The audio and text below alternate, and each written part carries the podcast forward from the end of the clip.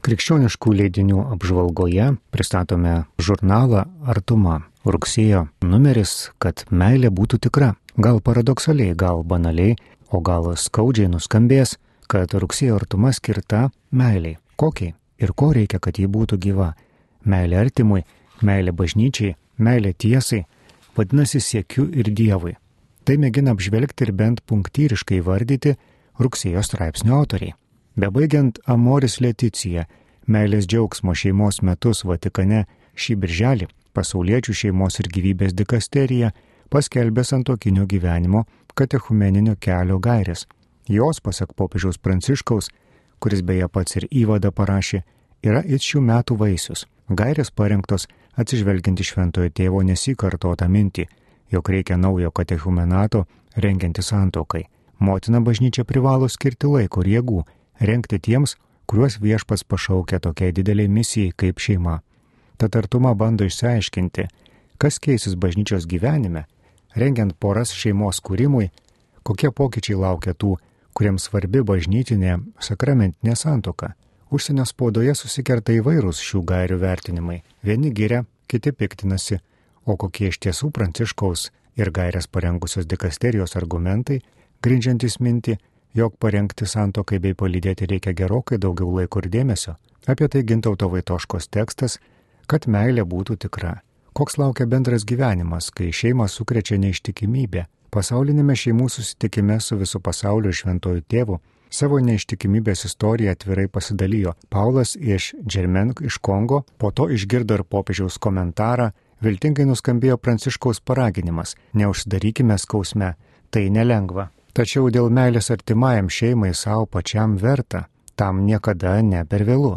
Nesistengite nieko nuslėpti ar pasaldinti situacijos, viską vadinote tikrais vardais. Šiai sutoktinių porai, sakė šventasis tėvas, kurį cituoja ir artumos redaktorius Darius Chmieliauskas, laiškė skaitytojams bei klausė, o mes ar drįstame taip pat drąsiai žengti sinodiniu keliu.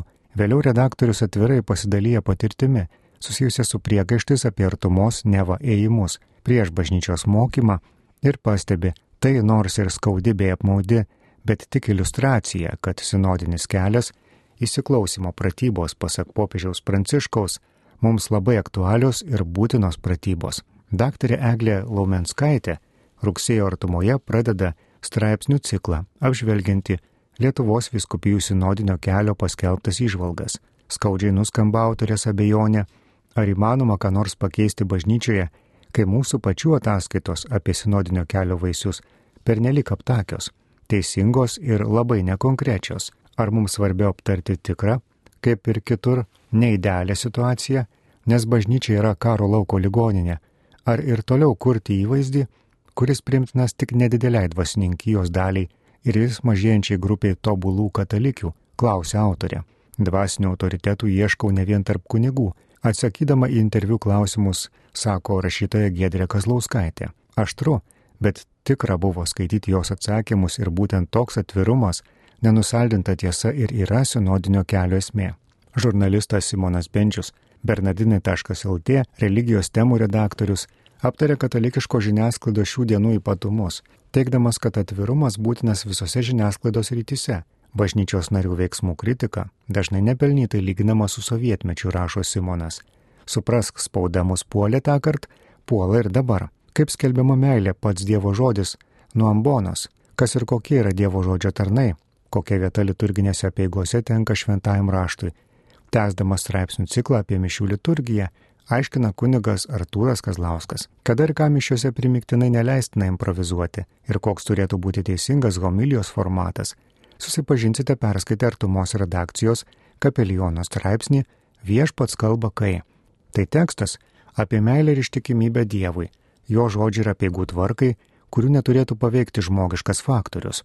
Temaras ir Eslamas daugiau kaip metai gyvena pabradės prieglopščio prašančių stovykloje ir svajoja dirbti ir gyventi Lietuvoje. Ar mes pajėgus geranoriškai priimti migrantus, pasiūlyti ir suteikti jiems darbo vietų, pasitikėti, jog niekas neketina aptinti iš mūsų duonos bei kultūros. Čia kaip išbandymas krikščionims, o tokių išbandymų tikrai nemažės. Irakiečiai savo namuose nuolat jaučiasi nesaugus. Ar mes tapsime nauja Jeruzalė, atvira nuo popiežiaus visoms tautoms, Ar mes kelbėme gerąją naujieną ir jos neiškraipome, ne tik nuo ambonos, bet ir šeimininėje ir bendruomenėje kasdienybėje, rašo Davilė Zelčiūtė, taip apžvelgia žurnalo Artuma rugsėjo numerį. Magnifikat vaikams rugsėjo spalio mėnesio numerio apžvalga. Po polsio ir nuotikių kupinos vasaros vėl grįžtame į mokyklas bei savo parapijas. Čia vėl susitiksime su išsilgtais bičiuliais, kartu žaisime, melsimės, klausysimės istorijų ir pasakosime savasias. O Magnifikat vaikams žurnaliukas visada padės tikėjimo kelionėje. Džiugi žinia, visi iki gruodžio 15 dienos prenumeruojantis Magnifikat vaikams žurnalą dovanų gaus trijų karalių kelionę. Tai smagi išlankstoma knygelė su stalo žaidimų labirintų vaikams nuo penkerių metų apie trijų karalių ir eželio kelionę Betlėjaus link. Joje rasite ir advento kalendorių su lipdukais bei kūčių stalo malda. Rudeninis numeris pasakoja apie Marijos vardus, dar vadinamus titulais, kokie mergelės Marijos vardai ir kodėl jų tiek daug, ką šie vardai mums sako, kodėl Marija vadinama išminties sostų aukso skrinė, nuliūdusiųjų paguoda karalienė šeimų, vaikai žurnale ras Kauno Bernardinų aušros vartų, pivašiūnų, Žemaičių kalvarijos švenčiausios mergelės Marijos paveikslus, o taip pat ir kiek neįprasta Marijos paveikslą mozaiką, tai Kyivo Dievo motina Oranta, kurios mozaikos originalas yra Kyivo Šventos Sofijos sobore. Oranta lotynų kalba reiškia toji, kuri meldžiasi. Na ir nepamirškime, kad spalio mėno skirta švenčiausiai mergeliai Marijai, tad vakarais šeimos kartu su vaikais kviečiamos melstis rožinį ir prašyti pasauliui taip reikalingos taikos, juk švenčiausiai mergelė Marija yra mergelė galingoji ir karalienė taikos. O kaip smagu melstis visiems kartu, šį kartą pasakoja Artūras ir Eglė bei jų keturi vaikai. Į klausimą, kas labiausiai patinka maldoje, mama Eglė atsako, Mykolai patinka uždegti žvakes, Jurgi jas užpūsti, Mortai ir Elžbietai skaityti skaitinį ir gėdoti. Po maldos džiaugiamės, kad buvome susirinkę nes tai ne tik susitikimas su Dievu, bet ir proga pabūti visai šeimai kartu. Šiame numeryje rasite dar vieną šeimą suburiančią pramogą, kadangi rugsėjo 29-ąją švenčiame šventuosius arkangelus Mykolą, Gabrielių, Rapolą. Kartu su vaikais galite pasigaminti arkangelo Mykolo obolių. Ir toliau tęsiama pažintis su Kristaus apaštalais. Šį kartą vaikai sužinos, kodėl Jokūbas jaunesnysis, dar vadinamas mažuoju, ir kaip jis bei jo brolis Judas Tadas vaizduojami. Nežemiškų pasiuntinių rubrikoje pateikta dar viena istorija apie angelus. Šį kartą ieškoma atsakymų, ar šią žemę palikę žmonės gali tapti angelais. Čia sužinosite, kad arkangelui Mykolui pavesta žmonių sielas vesti į paskutinį teismą, taip pat gelbėti tikinčių sielas nuo piktų jėgų, ypač mirties valandą. Magnifikat vaikams skirtas 7-12 metų vaikams Tai puikus pagalbininkas šventose mišiose ir tikėjimo kelyje. Apžvalga perskaitė Andrius Sakalauskas.